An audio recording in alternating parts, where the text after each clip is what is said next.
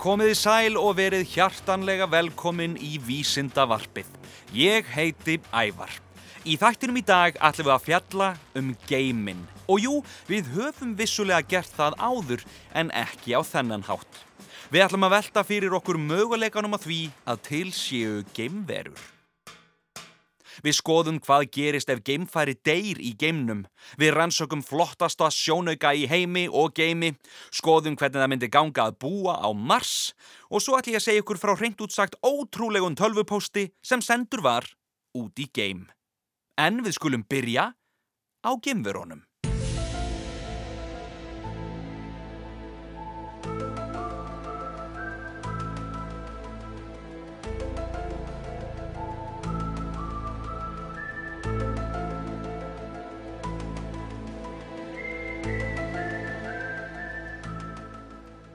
Fjöldin allur af fólki segist hafa séð gemverur eða verið brotnuminn af verum frá öðrum hnöttum. Sumir halda því fram að þær séu nú þegar hér á meðalokkar á meðan aðri segja að þetta sé argasta bull að það séu engar gemverur til. En sem komið er hefur ekki verið hægt að sanna með afgerandi hætti að geimveru séu raunverulegar en einhverja síður er afar spennandi að velta möguleikanum um tilvist þeirra fyrir sér. Ég meina, geimurinn er stór. Hann er hrikalega stór. Það getur varla verið að við séum einu kvikindin sem er á sveimi. Það væri waste of space eða sóun á plássi eða geim eins og stjörnufræðingurinn Carl Sagan sagði einu sinni. Það eru óteljandi plánetur í ótal vetrabrautum í alheimi sem er svo stór að ef við hugsum of lengi um það þá fáum við höfuðverk. Það er hljóta að vera þarna einhver staðar. En hvar eru þær? Vísindamadurinn Enrico Fermi velti þessu fyrir sér. Fermi hugsaði með sér að ef til eru miljardar af byggilegum reykistjörnum í vetrabrautinni og miljónir vitsmunavera eru þarna úti, hvers vegna hefur þá enginn heimsótt jörðina? Hvers vegna höfum við ekki orði vör við neitt? Þessi staðreind hefur síðan verið þekkt undir nafninu Þversögn Fermis, en stundum er hún kölluð Þögnin Mikla. Fermi taldi réttilega að menningarsamfélag eldra en okkar sem byggi við tækni til að ferðast á milli stjarnana gæti á tiltölulega stuttum tíma lagt undir sig alla vetrabrautina.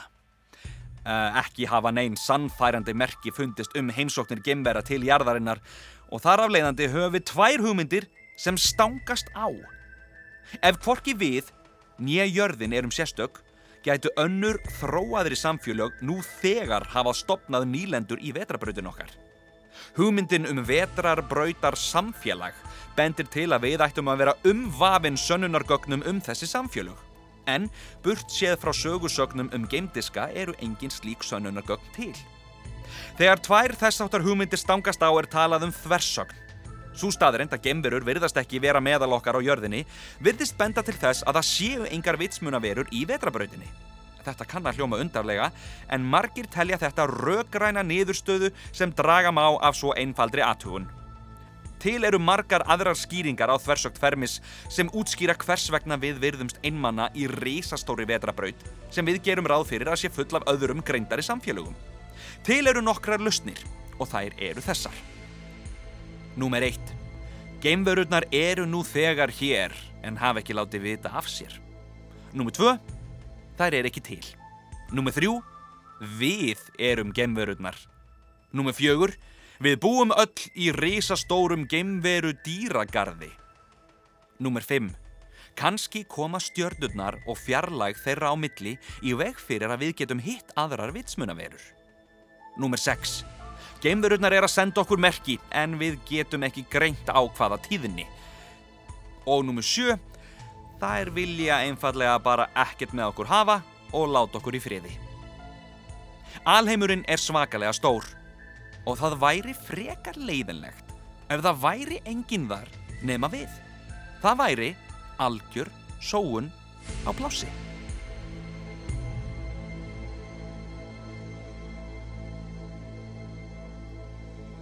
Við skulum kíkja í postkassan, hér er bref dagsins og hér segir Kæri ævar, hvað gerist ef einhver deyr í geimnum Kær kveðja Ingi Björg 12 ára, Reykjavík. Þetta er góð spurning. Það þarf mikið hugur ekki til ef þú ætlar að verða geimfari.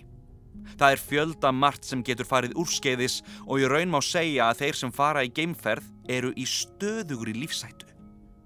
Að því sögðu, það er svo sem hægt að segja það um alla sem fara út fyrir húsins styr, en hvað gerist ef geimfari deyr? Í geimnum, það er að segja.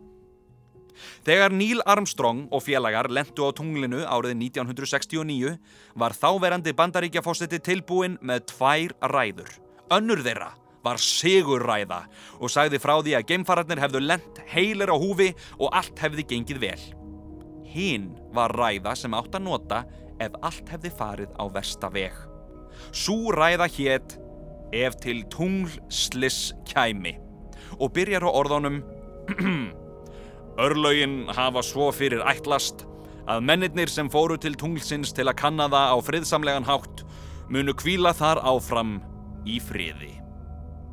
Sem betur fer fór allt vel og Armstrong og félagar komust aftur heim og síðan eru liðin mörg ár. Í dag er sífælt verið að tala meira um mönnuð flug út í geim, aftur til tunglsins, til Mars og jafnvel enn lengra í fjarlægri framtíð. Og því vaknar óhjákvæmilega spurningin, ef einhver myndi deyja út í geimnum, hvað ætti að gera? Í dag dvelja geimfarar sjálfnast meira en sex mánuði úti í geimnum, þá um borð í alþjóðlegu geimstöðinni. Það forvitnalega er að það er eiginlega ekki til neyn ákveðin regla um það hvað eigi eiginlega til bræðs að taka ef einhver deyr um borð. Ástæðan fyrir því er einföld. NASA vill auðvitað frekar koma í veg fyrir að geimfararni degi heldur en að vera veltaði fyrir sig hvað eigi eiginlega að gera við líkið af þeim. Geimfarin Chris Hadfield hefur sagt frá sálfræðilegri æfingu þar sem allir um borð í geimfarinu setjast við borð og fá þær fréttir að einn úr áhöfninni sé dáinn. Bara í þykjustunni samt, þetta er bara æfing. Og um leið þá kvikna allskinn spurningar eins og til dæmis hvað eigum við að gera við dána geimfaran? Eigum við að setja hann í poka? En hvað með lyktina? Eigum við að láta vita eða eigum við að býða? Hver ætlar að ringi foreldrans? Eigum við að kasta líkinu út með ruslinu og láta það brenna upp í gufukvolvinu? Hver á að fá geisladiskasafnið hans? Hver á einlega geisladiska á þessum síðust og vestu tímum? Þetta eru allt saman mjög mikilvægar spurningar. Og maður myndi halda að það væri bara einfaldast að opna gluggan og skuttla látna geimfaranum út. En það er hægara sagt en gert. Þó það sé ekki til almennilega reglur um hvað eigi að gera þegar geimfari deyr, eru þó vissulega til reglur um rusl í geimnum. Saminuðu þjóðurnar vilja komast hjá því í lengstu lög að skilja viljandi eftir rusl í geimnum og flokkast geimfarar undir þá skilgreiningu. Allt í lagi, hvað getur við þá gert? Það er ekkit sérstaklega upplýfgandi að geima dána geimfaran um borð. Getið þið ímyndað ykkur sex mánada ferð með líkista á kantinum? Nei, ég held að það hefði slæm áhrif á alla um borð.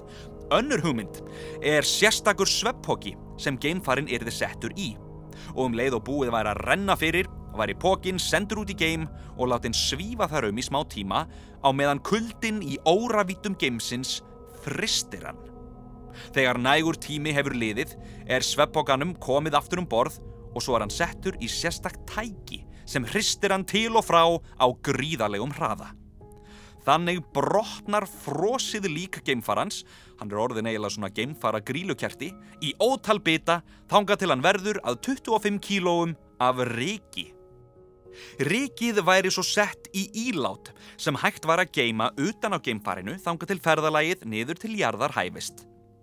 Þá eru líka hugmyndir um að ef og þegar við lendum á Mars þá væri hægt að nota líkama þeirra sem deyja þar sem áburð en það eru samt vísindamenn sem segja að það sé afar ólíklegt að það verði gert. Tilhugsunin um að rækta græmmiti úr fólki er eitthvað sem að flestum finnst afar ógeðfælt. Þetta er áhugaverð spurning og aðeins framtíðin getur leitt í ljós hvað verður um þá sem deyja út í gemnum. Takk fyrir frábæra spurningu, Ingi Björg.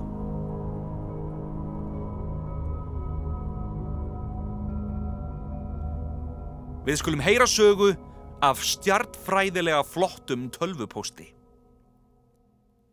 Það er að mörgu að huga þegar fara á út í game. Ef þú ert gamefari, þá máttu að sjálfsögðu ekki gleyma neinu heima, það er hægara sagt en gert að snúa við og sækja það, en nú hefur verið fundin lausn á því, svona upp af vissu marki. Árið 2014 var geimfarin Barry Wilmore um borði alþjóðlegu geimstöðinni og hann vantaði topplíkil. Og undir venjulegum kringumstæðum þá hefðan þurft að býða í marga mánuði eftir næstu geimferð til að færa honum topplíkilinn en ekki í þetta skiptið. NASA sendi honum líkilinn einfallega í tölvupósti. Jepp, tölvupósti. Þetta hljómar alveg hreint fárónlega, leifi mér að útskýra. Um borð í alþjóðlegu geimstöðinni er þrývítar prentari sem er sérstaklega hannaður svo hann getur prentað í þingdarleysi. Nákvæmar upplýsingar, það má jafnvel kalla þær uppskrift, að liklunum voru sendar í tölvupósti til geimstöðvarinnar. Barry forritaði þær inn í prentaran og voila, topplikillin mættur á svæðið og tilbúin til nótkunnar á örstuttum tíma. Líkillinn sem umræðir er þó ekki fyrsti hluturinn sem hefur verið prentaður í geimnum en á þó heiðurinn að því að vera fyrsti hluturinn sem prentaður var í geimnum að beðni geimfara. Þetta er frábær þróun. Þetta þýðir til dæmis að ef eitthvað óvænt kemur upp á er hægt að senda varahluti og verkfæri með tölvupósti. Þetta þýðir líka að geimfur geta tekið minna með sér um borð af dóti sem setna er bara hægt að prenta eftir þörfum.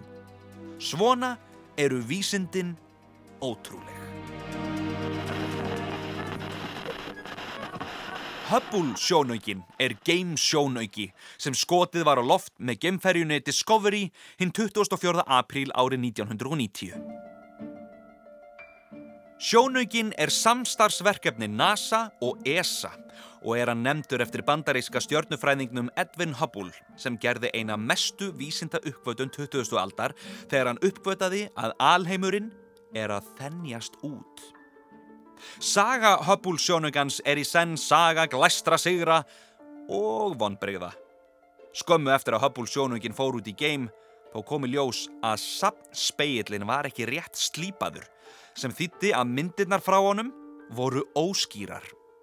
Þrjú ár liðu þáka til geimfarar heimsóttu sjónaukan í fyrsta sinn og komu fyrir leiðréttingarbúnaði sem leisti vandamálið. Eftir þetta hafa geimfarar farið í fjóra viðhaldsleiðangra til Hubble sjónaukans og var haldið í síðasta viðhaldsleiðangurinn í mæ 2009. Þá voru tvö ný mælitæki sett um borði sjónaukan og gert við ímiskonar búnað í honum.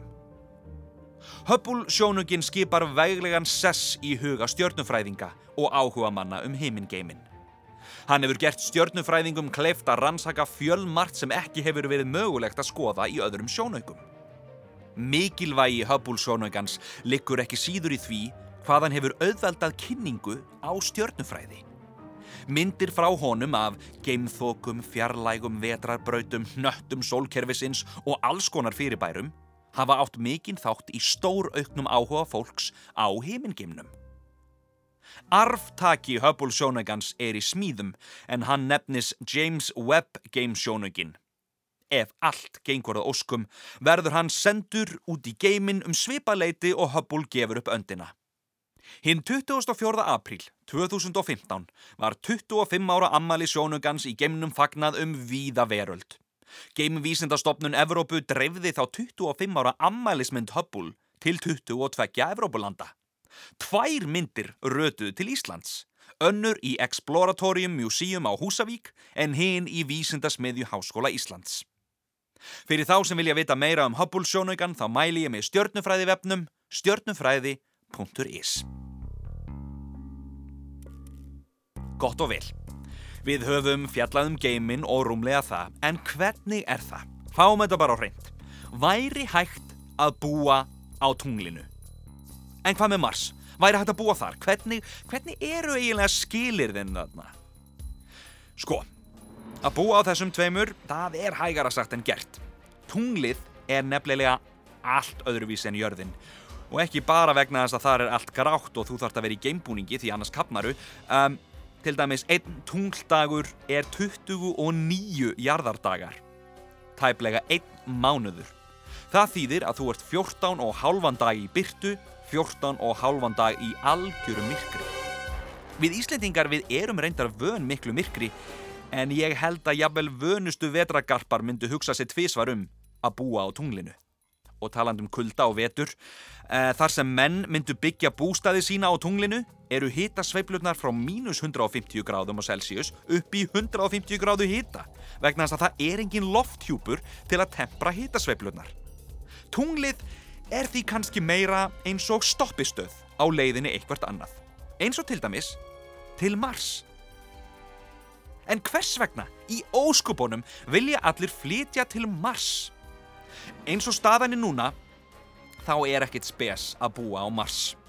Umhverfið er hættulegt, svakalega kallt, það er ekkert loft og mikil geislavirkni. En við verðum samt að horfast í aug við það að eitthvað daginn þá gætum við mannfólki þurft meira pláss. Og ef við höldum áfram að fara jafn illa með jörðin okkar eins og við gerum núna, þá mun það gerast fyrir en setna. En hvernig er á Mars? Einn dagur á Mars er rétt rúmlega einn sólarhingur. 24 klukkustundir og 37 mínúndur. Þannig að það er í lægi. Meðal hitastíð, þar verður þetta svo lítið vesen. Eh, meðal hitastíð er mínus 60 gráður. 60 gráður frost, það er ekki alveg nógu gott og hitin getur farið undir 100 gráðu frost. Hann getur líka farið yfir frostmark við miðbaug á sumrin. Það væri hægt að nota sandin og ríkið á Mars í steipu og þar eru hellar sem við getum búið í, svona til að byrja með allavega, en eh, hafðu samt í huga að berghulan eða jarðvegurinn er full af eiturefnum og því hægar að sagt en gert að ætla að rækt eitthvað. Við þurfum auðvitað að borða eitthvað. Og svo er það þingdaraflið. Þið viti það sem heldur okkur á jörðinu og passar að við bara fljótum ekki hægt og rólega út í geim. Á Mars ertu 40% léttari en hérna á jörðinni. Og langtíma áhrifin að svoleiðis, þau eru algjörlega ókönnuð. Sem þýðir við vitum ekki hverjar afleiðingarnar eru. Munum við lifa lengur eða skemur? Hvaða áhrif hefur þetta á beinin okkar eða líffærin? Spurningarnar eru ótal margar og við vitum því miður ekki öll svörin.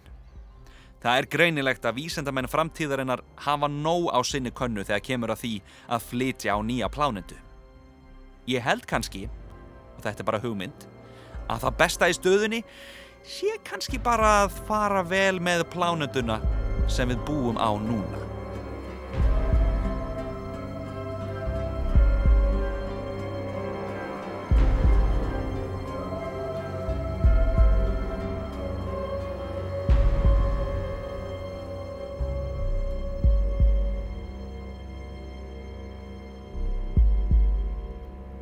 Þættinum er lokið. Ég vil þakka Vísindavef Háskóla Íslands, vísindavefur.is og stjörnufræðivefnum, stjörnufræði.is. Þá vil ég líka minna á vefsíðu þáttarins krakkarúf.is skástrygg ævar eða a-e-v-a-r. Takk fyrir að hlusta. Þetta er ævar vísindamadur, yfir og út.